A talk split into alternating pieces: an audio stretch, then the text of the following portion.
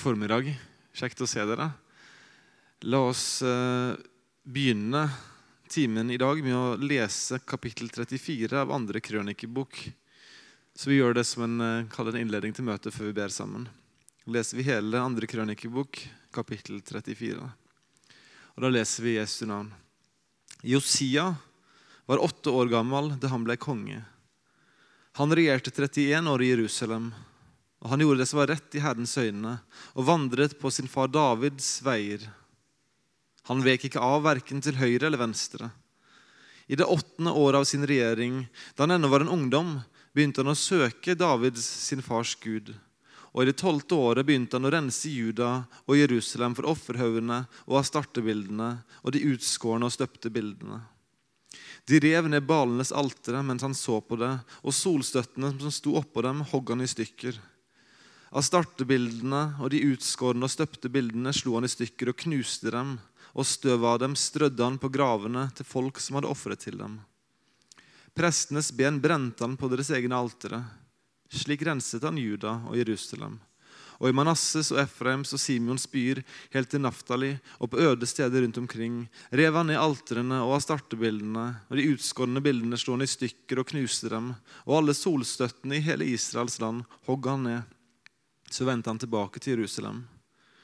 I det 18. året av sin regjering, mens han holdt på å rense landet og Herrens hus, sendte han Safan, Asaljas sønn og byens høvedsmann Maesha og historieskriveren Joa, Joakas sønn, av sted for å sette i stand Herrens, hans Guds hus.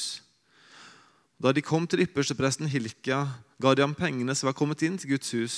De levittene som var vakter ved dørene, hadde samlet dem inn fra Manasseh og Efraim og hele resten av Israel, og fra hele Juda og Benjamin og fra Jerusalems innbyggere.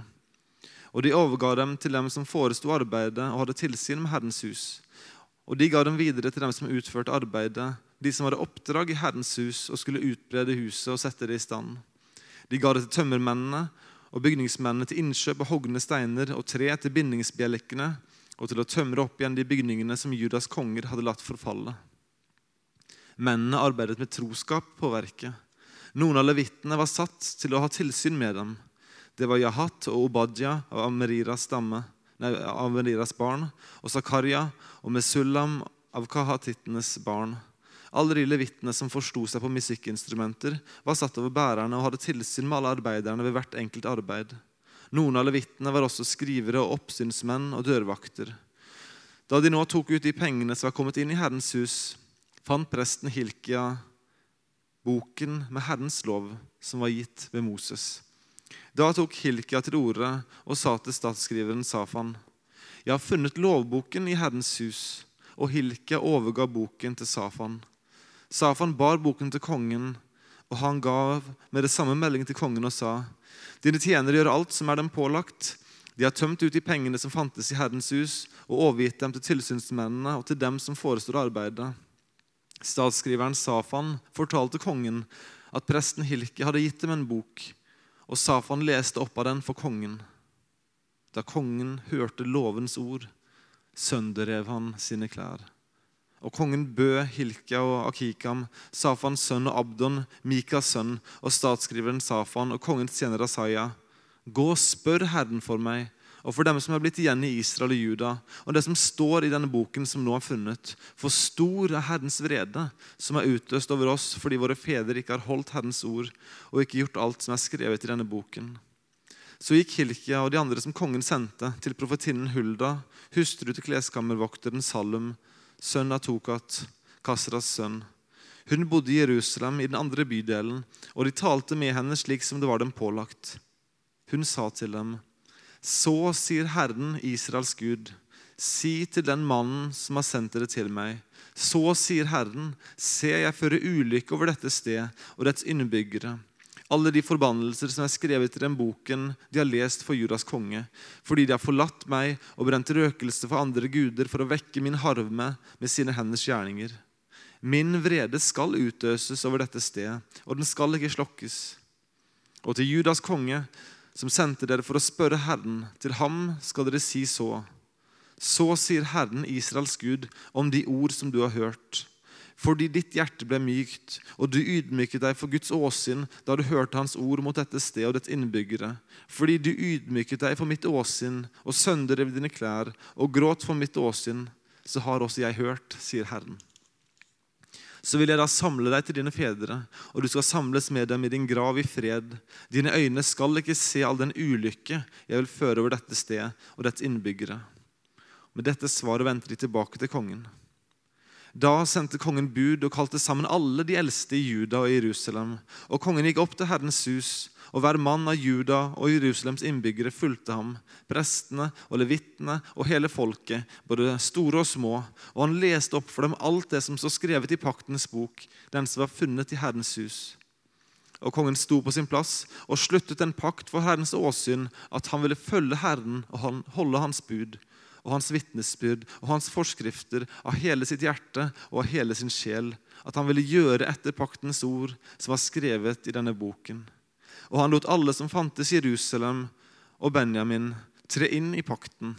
Og Jerusalems innbyggere gjorde etter den pakt de hadde inngått med Gud, sine fedres Gud. Og Josia tok bort all styggedommen fra alle de land som hørte Israels barn til. Han sørget for at alle som fantes i Israel, dyrket Herren, sin Gud. Og så lenge han levde, vek de ikke av fra Herren, sine fedres Gud. Himmelske Far, vi takker deg for ditt ord som taler til oss, at det er levende og virksomt og skarpere enn noe tvega sverd, at det kan tale til våre hjerter. Jeg ber om at det må tale til oss nå. Jeg takker deg for oppmuntringen du har gitt oss gjennom dette kapittelet om hvordan eh, et land i, i åndelig forfall og, og i et åndelig mørke kunne opp, eh, oppleve en, en, åndelig oppvåkning gjennom at det sto fram en, en, konge etter ditt hjerte. En konge som, som søkte deg, og som ydmyket seg for ditt ord. Måtte du gi oss alle myke hjerter, så vi må lytte til ditt ord og ydmyke oss for det. Måtte du gi oss en, en åndelig oppvåkning også.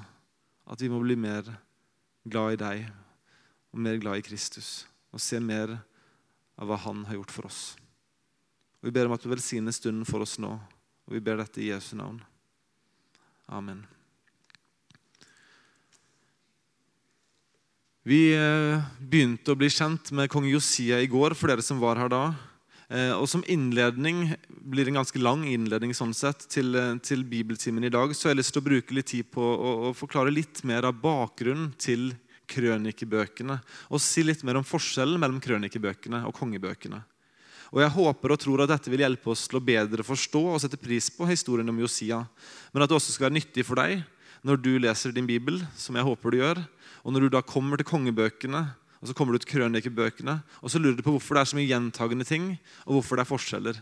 Jeg håper at eh, det jeg skal si nå, kan være med å eh, hjelpe deg til å sette pris på forskjellene i større grad, og forstå forskjellene kanskje i større grad. Jeg nevnte i talen i går at den eh, jødiske inndelingen av Det gamle testamentet den inndelingen Jesus også forholdt seg til, eh, som vi ser tydelig i Lukas 24, da han var på Emmaus-vandringen. At han forsynte ut fra loven, profetene og skriftene. Eh, I denne inndelingen så er loven, altså Mosebøkene, de første fem bøkene i vår bibel. Det er loven, Toraen. Men så er det profetene, som består av mange av de bøkene vi kaller de historiske bøkene. Den består av Josva, dommerne, den består av Samuelsbøkene, kongebøkene. Den består av de tre store profetiske bøkene, altså Jesaja, Jeremia og Esekiel. Og så består den også av de tolv småprofetene. Men så er den tredje kategorien skriftene. Der finner vi de poetiske bøkene, visdomsbøkene.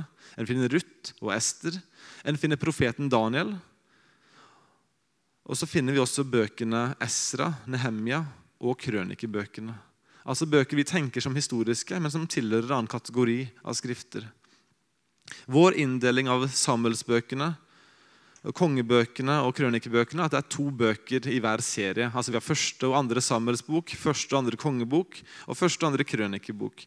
Men i sin opprinnelse så var dette kun tre bøker, ikke seks bøker. Det var kun Samuelsboken, kongebøkboken og krønikeboken.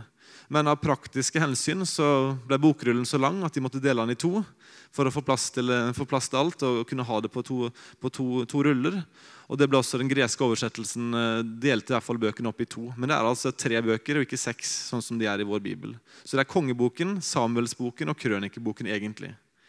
Og Jeg nevnte i går at krønikeboken og kongeboken er skrevet med forskjellige formål på forskjellige tidspunkt, og de er også klassifisert forskjellig fra hverandre. Kongeboken, eller kongebøkene som vi kaller de, er skrevet ca. 550 år før Kristus med et tydelig historisk formål. Eh, først er Samuelsboken selvfølgelig skrevet for å skildre overgangen fra dommerstyret ved Samuel, den siste dommer, til Israels første konger. Først Saul, og så David, og så Salomo.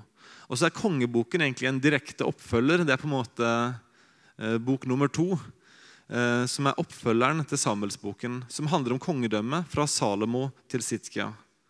Og Kongeboken ender med at Israel er bortført. Først Nordriket til Asyria, og så Sørriket til Babylon. Eh, så historien om Israels kongedømme i Samuelsboken og kongeboken ender egentlig opp med en dom for nasjonen.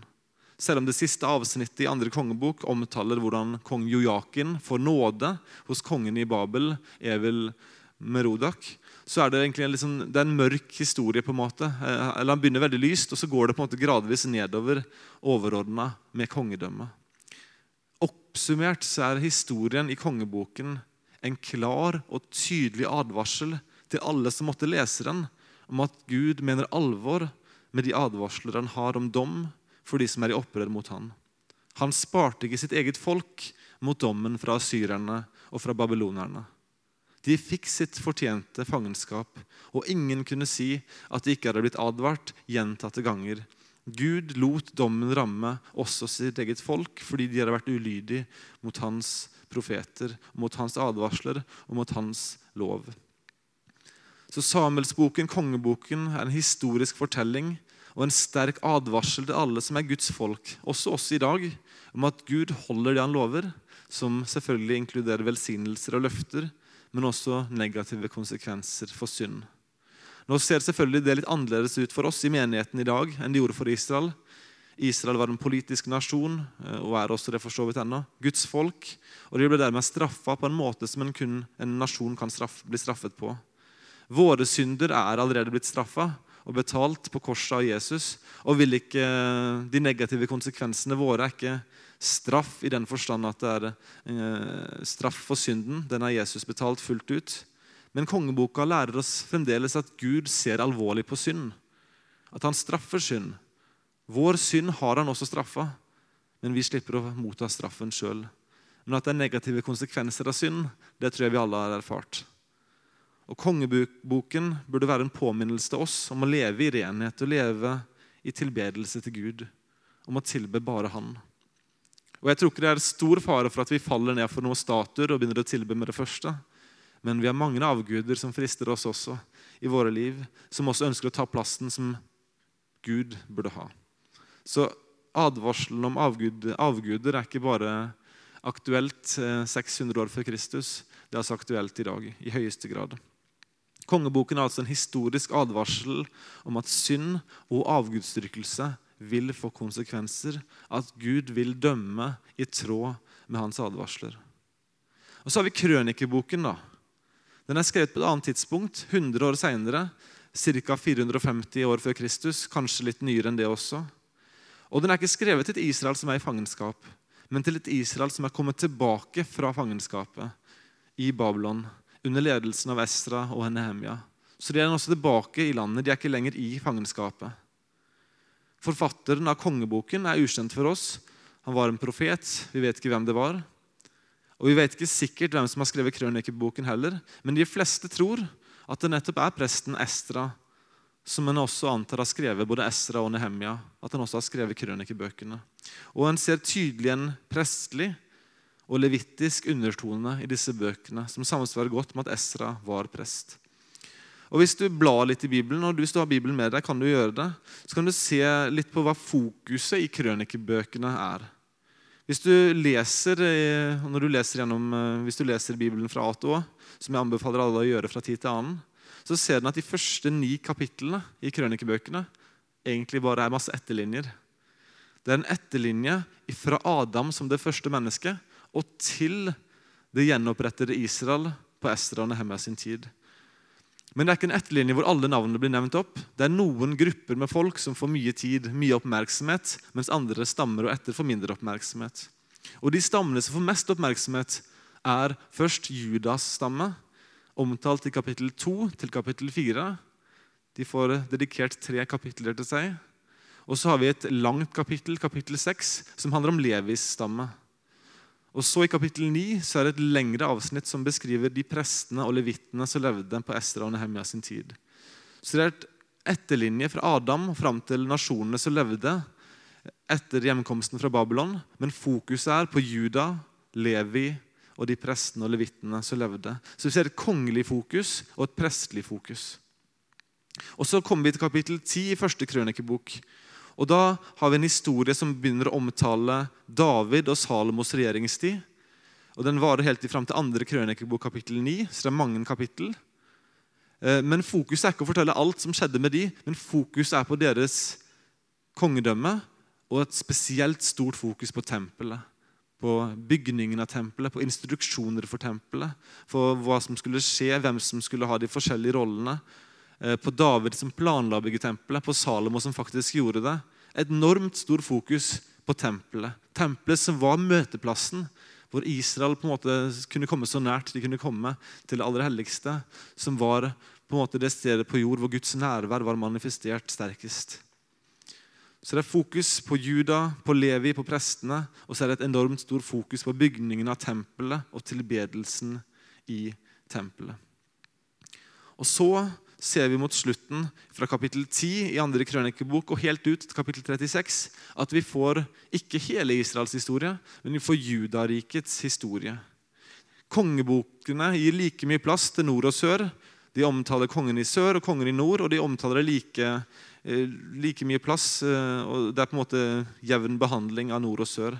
Mens i krønikebøkene så er det fokuset bare på kongene i sør. Selvfølgelig blir kongene i nord nevnt fra tid til annen, men fokuset er på judaætten og på kongene i sør. Hvorfor? Jo, det er et sterkt fokus på Judas ett, på Levis ett, på kongedømmet, på prestedømmet. Og det gjennomsyrer hele boka. Levis ett vet dere helt sikkert var den prestelige ætten Levis stamme fikk ikke et eget eh, landområde på samme måte som de andre stammene fikk. Men de fikk noen byer, og de skulle spre seg ut og bo iblant sine brødre, de forskjellige stammene i Israel. De skulle være med å ivareta tilbedelsen av den sanne Gud ble ivaretatt i hele landet. De skulle hjelpe israelsfolket til å leve i en daglig relasjon med Herren. Og I Jerusalem så hadde de også ansvar for offerhandlingene. og Ypperstepresten hadde selvfølgelig et spesielt ansvar, eh, som var veldig synlig på den store forsoningsdagen. også for øvrig. Prestetjenesten var essensiell for at folket kunne tilbe Gud på den rette måten. Og Da skjønner vi kanskje alvoret i Israel i kong Josia sin tid. Hvorfor det var så alvorlig når prestene, som skulle være de som førte folket og leda dem i tilbedelsen til Gud, når de var de som hadde begynt å etablere avgudsdyrkelse når de leder an i frafallet. Gud så veldig alvorlig på det. Og Vi skjønner at Josia tok det alvorlig også. Han viste lite nåde mot de prester som hadde etablert avgudsdyrkelsen. Mange av de ble drept. Og, og, Vi leste vel om det i går også, men det står i, i kapittel 34, som vi leste nettopp, i vers 5, at, at prestene sine ben det var altså de, avguds, de som hadde begynt med avgudsdyrkelse, som hadde blitt drept. Eh, prestene sine ben brente han på deres egne altere. Eh, og Det var også på en måte en veldig ikke vanærende ting, men det var noe som virkelig viste avsky og forakt mot den ondskap de hadde vært eh, ledtagere i. Levis ett hadde i Josia sin tid vært ulydig mot sitt kall, og de fikk sin dom gjennom Josia. Og Så var det Judas stamme, kongeætten. Stammen som skulle ha Guds representant, Guds regent på tronen. Judas stamme var kalt til å ha en konge som regjerte med visdom og rettferdighet, som demonstrerte de kvaliteter som Gud ønska at folket skulle se og lære av. De skulle ha en konge som beskytta folket sitt, som vernte om de svake, som var rettferdig og god, og som erkjente at Guds lov også skulle være landets lov. Og Det var det som var så sørgelig i tiden før Jusia ble konge. Israel var styrt av konger som utøste så mye uskyldig blod. at Jerusalem var fylt med det fra ende til annen. Det var beskrivelsen av Manasseh. Urettferdige konger, onde konger. Konger som selv ville bli ansett som guddommelige. De ønska å få æren sjøl. Konger som forsømte Guds lov. Konger som manglet sann visdom. Konger som ikke hadde gudsfrykt. Så beskrivelsen av kongene i tiden før Josia ble konge, altså beskrivelsen av kong Manasseh, kong Amon, er et veldig mørkt bakteppe til historien om Josia. De blir nesten presentert som en sterk kontrast til han som skulle komme. Det er en beskrivelse av hvor galt det kan gå dersom Guds frykt blir forsømt, dersom Guds lov blir glemt, dersom synden får regjere. Da ender presteskapet opp i avgudsdyrkelse. Da blir kongene ledere i ugudelighet og ondskap. Da begynner de å ofre sine egne barn på alteret. Men selv om både prestene og kongene levde i stikk i strid med det kall og den misjon de hadde fått fra Gud, så var Gud trofast og nådig, og han holdt sine løfter. For Gud hadde gitt folket et løfte, en pakt om en rettferdig konge som skulle komme. Og Det fører oss inn i et av de viktigste avsnittene som vi har i hele krønikeboken. Og Det er i første krønikebok, kapittel 17, hvor Gud gir et løfte til David. Parallellavsnittet er kanskje det viktigste avsnittet i Samuelsboken, 2. Samuel 7. Men eh, krønikeren, sannsynligvis Estra, tar det med i kapittel 17 av første krønikebok. Og Det begynner med at David har lyst til å gjøre noe for, for Gud. David ønsker å bygge et hus for Herren. Han sa, 'Se, jeg bor i et hus av sedertre, men Herrens paktark bor under en teltduk.' Og Han henviste selvfølgelig til tabernaklet, som var et telt. Det var ikke et majestetisk bygg. Kongen bodde mye bedre enn det Gud gjorde, rent uh, fysisk sett. Og Det ble et problem, et samvittighetsproblem for David. Han ønsket å bygge et hus for Herren. Men så sier Herren til han, 'Nei, du skal ikke bygge et hus for meg, men jeg skal bygge et hus for deg.' Et fantastisk løfte. Det står i vers 7 av 1. krønikebok, kapittel 17. Nå skal du si til min tjener David, så sier Herren herskarenes Gud. Jeg tok deg fra beitemarken, der du fulgte saueflokken, for at du skulle være fyrste over mitt folk Israel. Jeg var med deg overalt hvor du gikk, og utryddet alle dine fiender for deg. Jeg har latt deg vinne et navn så stort som det, ikke, som det største på jorden har. Og jeg vil gjøre i stand et bosted for mitt folk Israel og plante dem der, så de bor i sitt hjem og ikke blir uroet mer. Urettferdige mennesker skal ikke lenger skade dem slik som før. Helt fra den tid jeg satte dommer over mitt folk Israel. Jeg har ydmyket alle dine fiender, og nå forsyner jeg deg at Herren vil bygge et hus for deg. Når dine dagers tall er fullt, og du går til dine fedre, da vil jeg oppreise din ett etter deg, en av hans, dine egne sønner og jeg vil grunnfeste hans kongedømme. Og han skal bygge et hus for meg, og jeg vil trygge hans trone til evig tid. Jeg vil være hans far, han skal være min sønn, og jeg vil ikke la min miskunn vike fra ham, slik som jeg lot den vike fra han som var før deg. Men jeg vil la ham bli i mitt hus og i mitt rike til evig tid, og hans trone skal være grunnfestet til evig tid. Fantastisk løfte. Gud lovte å bygge et hus en ett, et dynasti om du vil, for David. Det ble først kallet til dels oppfylt gjennom sønnen Salomo, som fikk bygge et tempel. Men løftet til Davids hus strakk seg mye lengre. Det kunne ikke bli oppfylt gjennom Salomo. Vi vet at han drev ut i avgudsdyrkelse i den siste delen av hans regjering. Vi vet at kongedømmet hans ikke ble varende og grunnfesta for evig på den måten som en tenker om det. Salomos ugudelighet og avgudsdyrkelse var bevis at løftet ikke ble endelig oppfylt gjennom han. Det måtte komme en annen. Og Krønikebøkene er skrevet med, med, en forventning at de som leste det, skulle spørre seg sjøl når de leste beskrivelsen av kongene, om Joas, om Manasseh, Efraim, Hiskia og hele gjengen, så skulle de spørre seg er dette den kongen som var lovt. Passer han beskrivelsen, eller skal vi vente en annen? Og Med det bakteppet der så vi lærer om Josia. Israel skulle spørre seg var denne kongen den lovede kongen. Er det denne som vi har venta på, eller kommer det en annen? Er dette kongen som skal ha et grunnfestet kongedømme som skal vare evig? Så Spørsmålet de skulle stille seg når de leste om Josia, da, var dette den lovede kongen?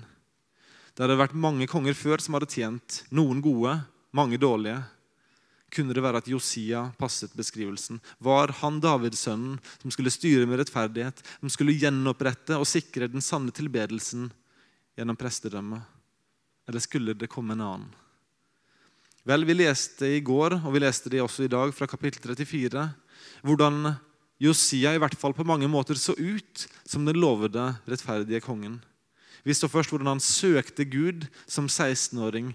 Hvordan han omvendte seg fra sin synd og fra landets synd da han var 20 år, altså i sitt tolvte regjeringsår.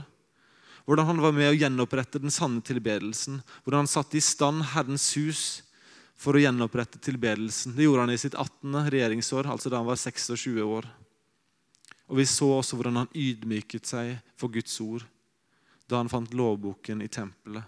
Da han ble konfrontert med Guds lov, så sønderrev han sine klær og erkjente sin og landet sitt synd. Når vi leser historien om Josia, så kan ikke jeg unngå å tenke på kontrasten mot en annen konge som blir beskrevet i Jeremia kapittel 36. Der var en konge som var barnebarnet til Josia, kong Joakim. Det står i Jeremia 36, vers 2, at, at Herrens ord kom til profeten Jeremia med beskjed om at han skulle ta seg en bokrull og skrive i den alle de ord som Herren hadde talt til han om Israel og Juda og alle hedningfolkene fra den dagen som Herren først talte til Jeremia, fra Josias dager og til denne dag. Og så sier Herren, kanskje Judas hus vil merke seg all den ulykke jeg tenker å gjøre dem, så de kan vende om, hver fra sin onde vei, og jeg kan tilgi dem deres misgjerning og deres synd. To generasjoner seinere har altså Israel falt tilbake i synd. Gud er fremdeles villig og ønsker å tilgi dem. Men han ønsker å advare dem gjennom profeten Jeremia. Og Jeg skal lese bare som en kontrast til historien om Josia. Skal vi lese fra kapittel 36 i profeten Jeremia, vers 21 26, og se hvordan, kongen, hvordan kong Joakim reagerte på budskapet han fikk fra Gud. Det kan godt hende at dere kjenner, kjenner avsnittet godt, men jeg leser det selv om for det. Jeremia skriver altså ned en bokrull. Eh, bokrullen blir kjent, og det skal inn for kongen. Og Det står i vers 21 av Jeremia 36 at kongen sendte Jehudia av sted for å hente rullen. Og han hentet den fra statsskriveren Elisamas rom. Og Jehudi leste den opp for kongen og alle høvdingene som sto hos kongen. Kongen satt i vinterhuset, for det var den niende måned, og det brann ild i et fyrfat foran han.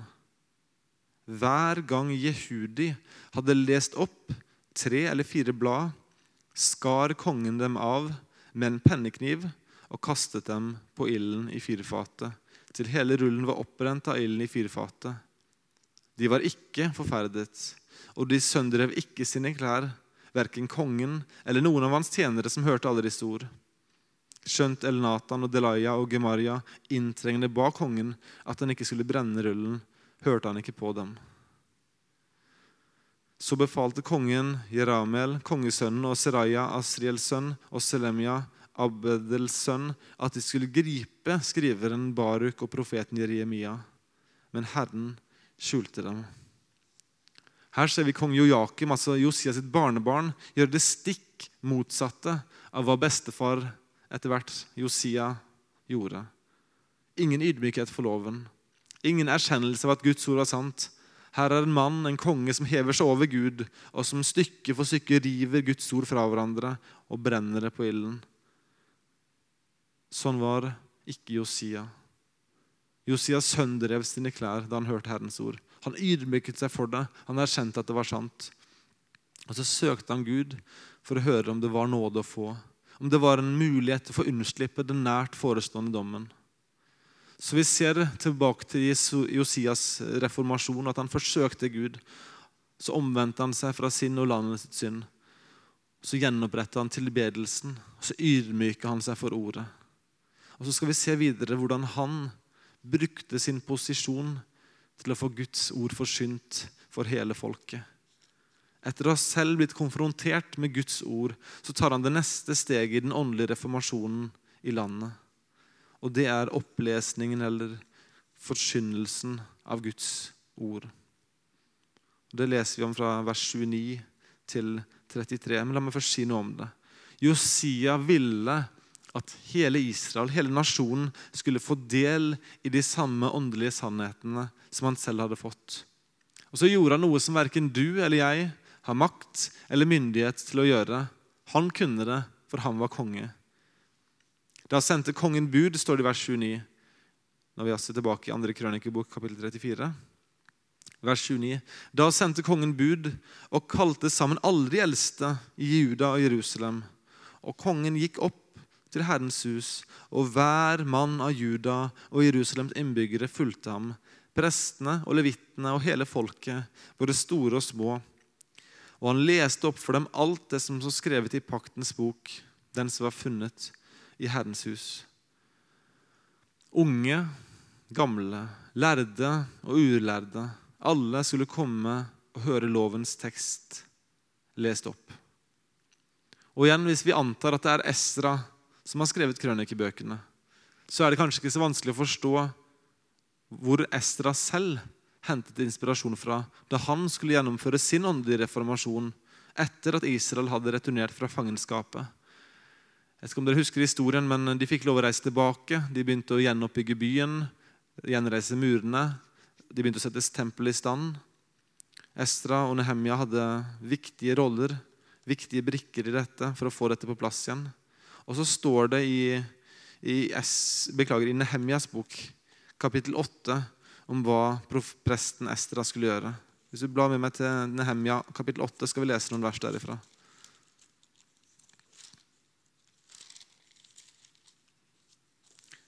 Der står det om, om folket etter at de hadde kommet tilbake fra landet, at de hadde begynt å få i stand murene, tempelet. Så står det at hele folket Nå er vi inne i Hemia 8. Vi leser fra vers 1. Hele folket samlet seg som en mann på plassen foran vannporten. Og så ba de Esra, og det er altså den samme Esra som vi sannsynligvis tror har skrevet krønikeboken.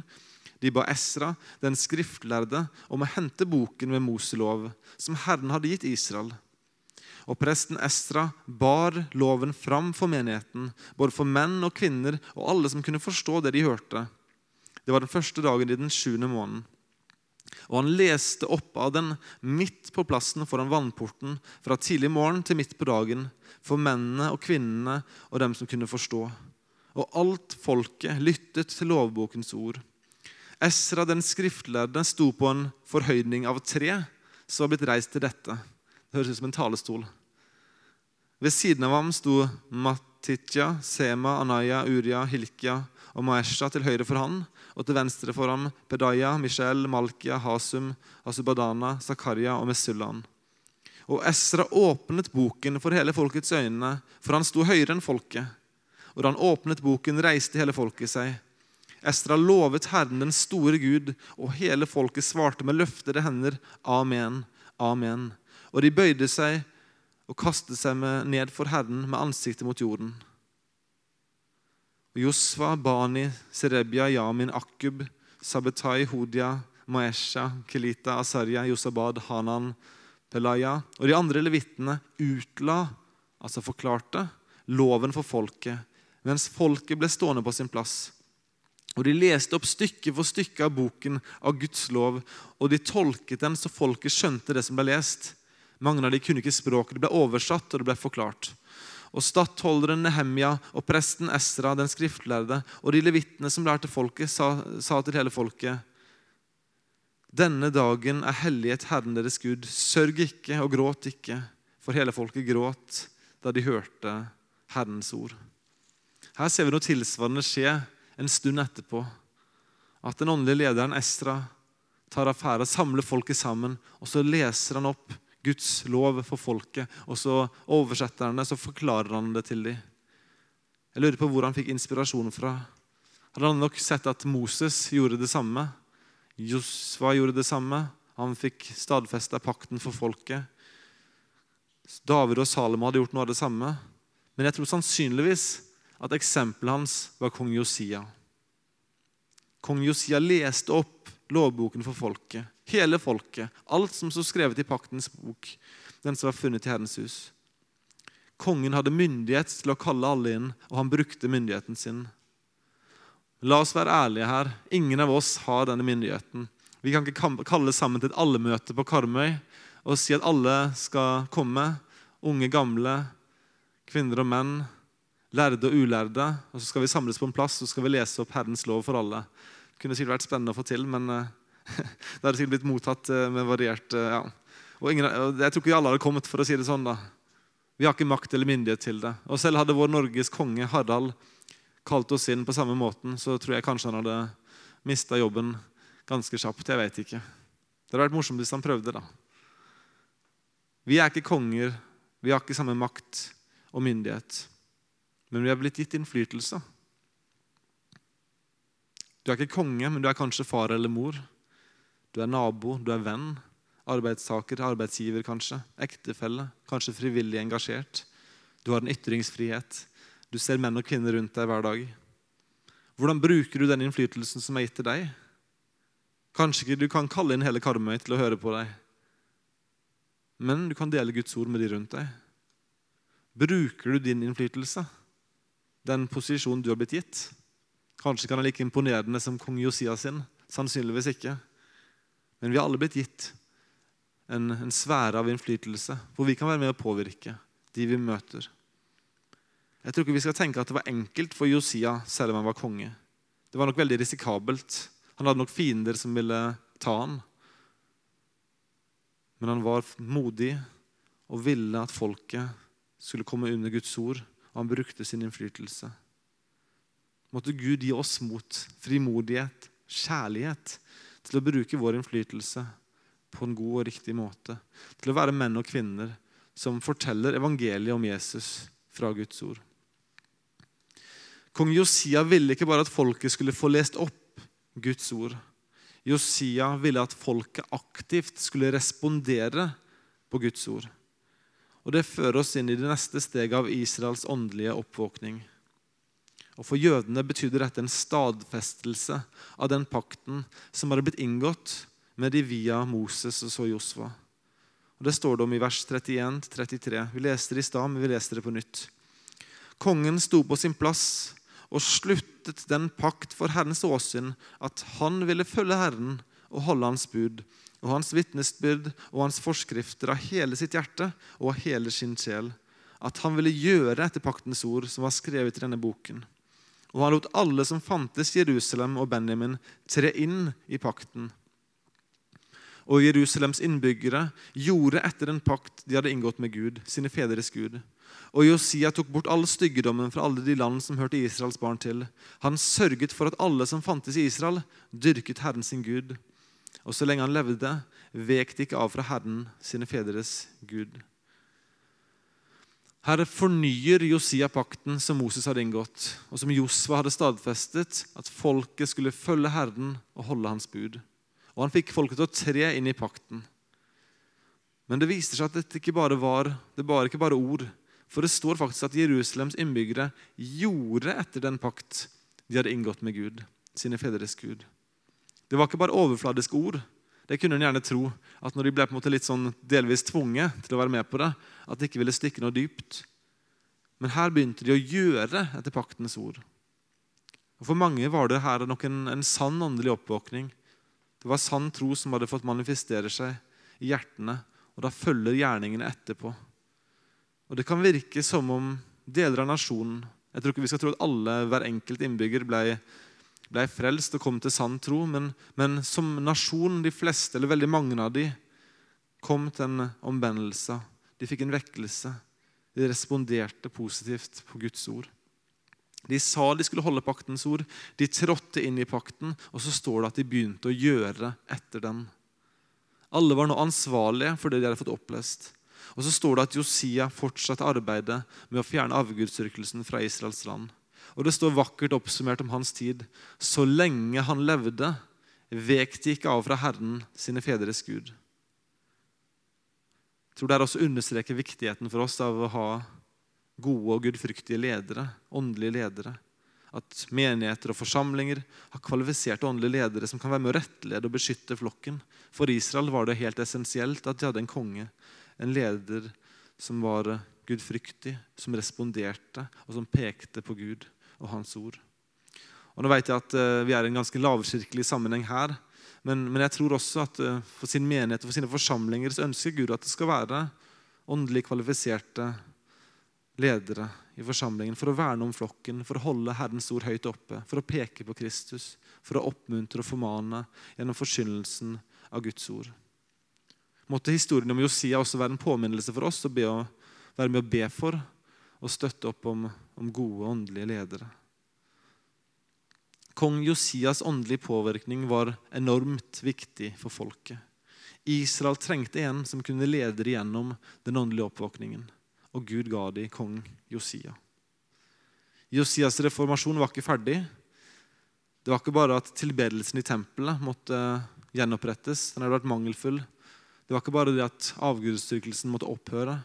Det var så en spesiell høytid som hadde blitt forsømt. Men den skal vi ikke se på før i morgen. Helt til avslutning, la oss tenke litt igjen på kong Josia og formålet som Estra hadde da han skrev krønikeboken.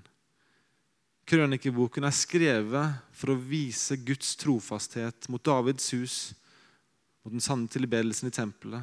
Og det er skrevet med det formål om å skape et håp i Israel om en kommende sønn av David, i tråd med det løftet som David fikk i Davidspakten. Det skulle komme en som skulle sette tilbedelsen i rette stand. Og så har vi sett at Krønikeren hadde et spesielt fokus på Judas ett, på kongeætten, og på Levis ett, den prestelige ætten. Det er altså skrevet for å skape en forventning, et håp om at det skulle komme en, en sønn av David, som skulle sette dette i rett stand. Vi skal i hvert fall se i morgen at kong Josia ikke var den endelige oppfyllelsen av det løftet. Han var som jeg sier, han var nesten så god som det går an å bli. Eh, men han var ikke Kristus. Jesus kom som den lovede kongen. Etter sin døde oppstandelse for han opp til himmelen. Han sitter ved Faderens høyre hånd, og han skal komme tilbake og regjere som konge fra Davids trone. Josia var bra. Jesus var og er bedre. Han var den lovede sønnen. Han er den lovede sønnen, den rettferdige kongen som skal regjere. Men han var også prest. Ikke prest etter Levis rett, men han var prest like fullt etter Melkisedeks vis. Og Det står om Melkisedek i Hebreerne 7.1 at han var konge i Salem og prest for den høyeste Gud.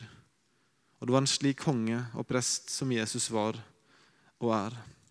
Så la oss ta avslutning i forventning til, eh, til den Davidsønnen som skulle komme, som vi blir presentert for i, i krønikebøkene i Davidspakten.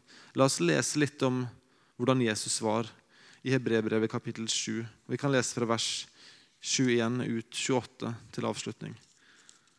Hva står det om denne Davidsønnen som kom? Det står om, om prestene at de andre er blitt altså det vil si de andre er Levis prester, er blitt prester uten ed men han, altså Jesus, er blitt det ved ed fra ham som sier til ham, Herren sverget, og han skal ikke angre det. Du er prest til evig tid etter Melkisedeks vis. Derfor er det også en så meget bedre pakt, den som Jesus er blitt borgsmann for. Og av disse andre prestene er det blitt mange, av at de ved døden hindres fra å fortsette. De levitiske prestene de levde, så døde de, så måtte de bli erstatta av nye prester. Men la oss lese om Jesus. Han har et prestedømme som ikke kan forandres, fordi han blir ved til evig tid. Og Derfor kan han også fullkomment frelse dem som kommer til Gud ved ham. Da han alltid lever til å gå i forbønn for dem. Det er fantastisk at han lever for å gå i forbønn for oss. For en slik ypperste prest var det vi måtte ha.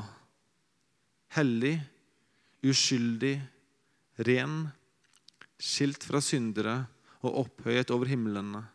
En som ikke daglig trenger til, lik yppersteprestene, å bære fram offer, først for sine egne synder og deretter for folkets. For det gjorde han én gang for alle da han ofra seg selv. For loven innsetter skrøpelige mennesker som ypperste prester. Men edens ord, som kom etter loven, innsetter Sønnen, Han som er blitt fullendt for all evighet. Måtte studiet vårt av kong Josia av krønikeboken minne oss på at Gud har vært trofast mot løftet sitt. Det gjenstår fremdeles noen ting som skal oppfylles, det tror iallfall jeg, eh, for, eh, for Israel og, og, for et jordelig rike. Men, men Gud har sendt den lovede kongen. Gud har sendt en fullkommen prest som har båret fram et endelig og fullkomment offer. Og Måtte vi leve i takknemlighet til Han. Måtte vi stole på Hans trofasthet i alle ting. Og måtte vi tilbe Gud og Gud alene. Måtte vi tro på Jesus Kristus, den lovede kongen og presten, som Skriften vitner om. Gode far, vi takker deg for at du er trofast i alle ting. Vi kan stole på hvert eneste løfte du har gitt oss i Skriftene. Og vi får så mange bevis i Bibelen på at du har sagt noe, og så lover du det du holder. Du har lovet å være med oss alle dager. Du har lovet å gi oss alt vi trenger. Du har sagt at vi ikke trenger å bekymre oss for noe. At vi kan kaste våre bekymringer på deg, for du er trofast. Du har sagt du skal verne om oss, beskytte oss, holde oss fast.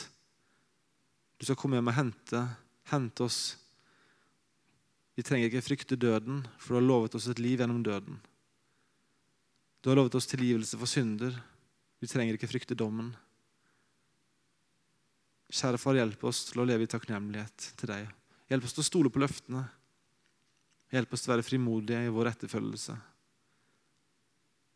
Vi takker deg for din godhet mot oss, og vi ber i Jesu navn. Amen.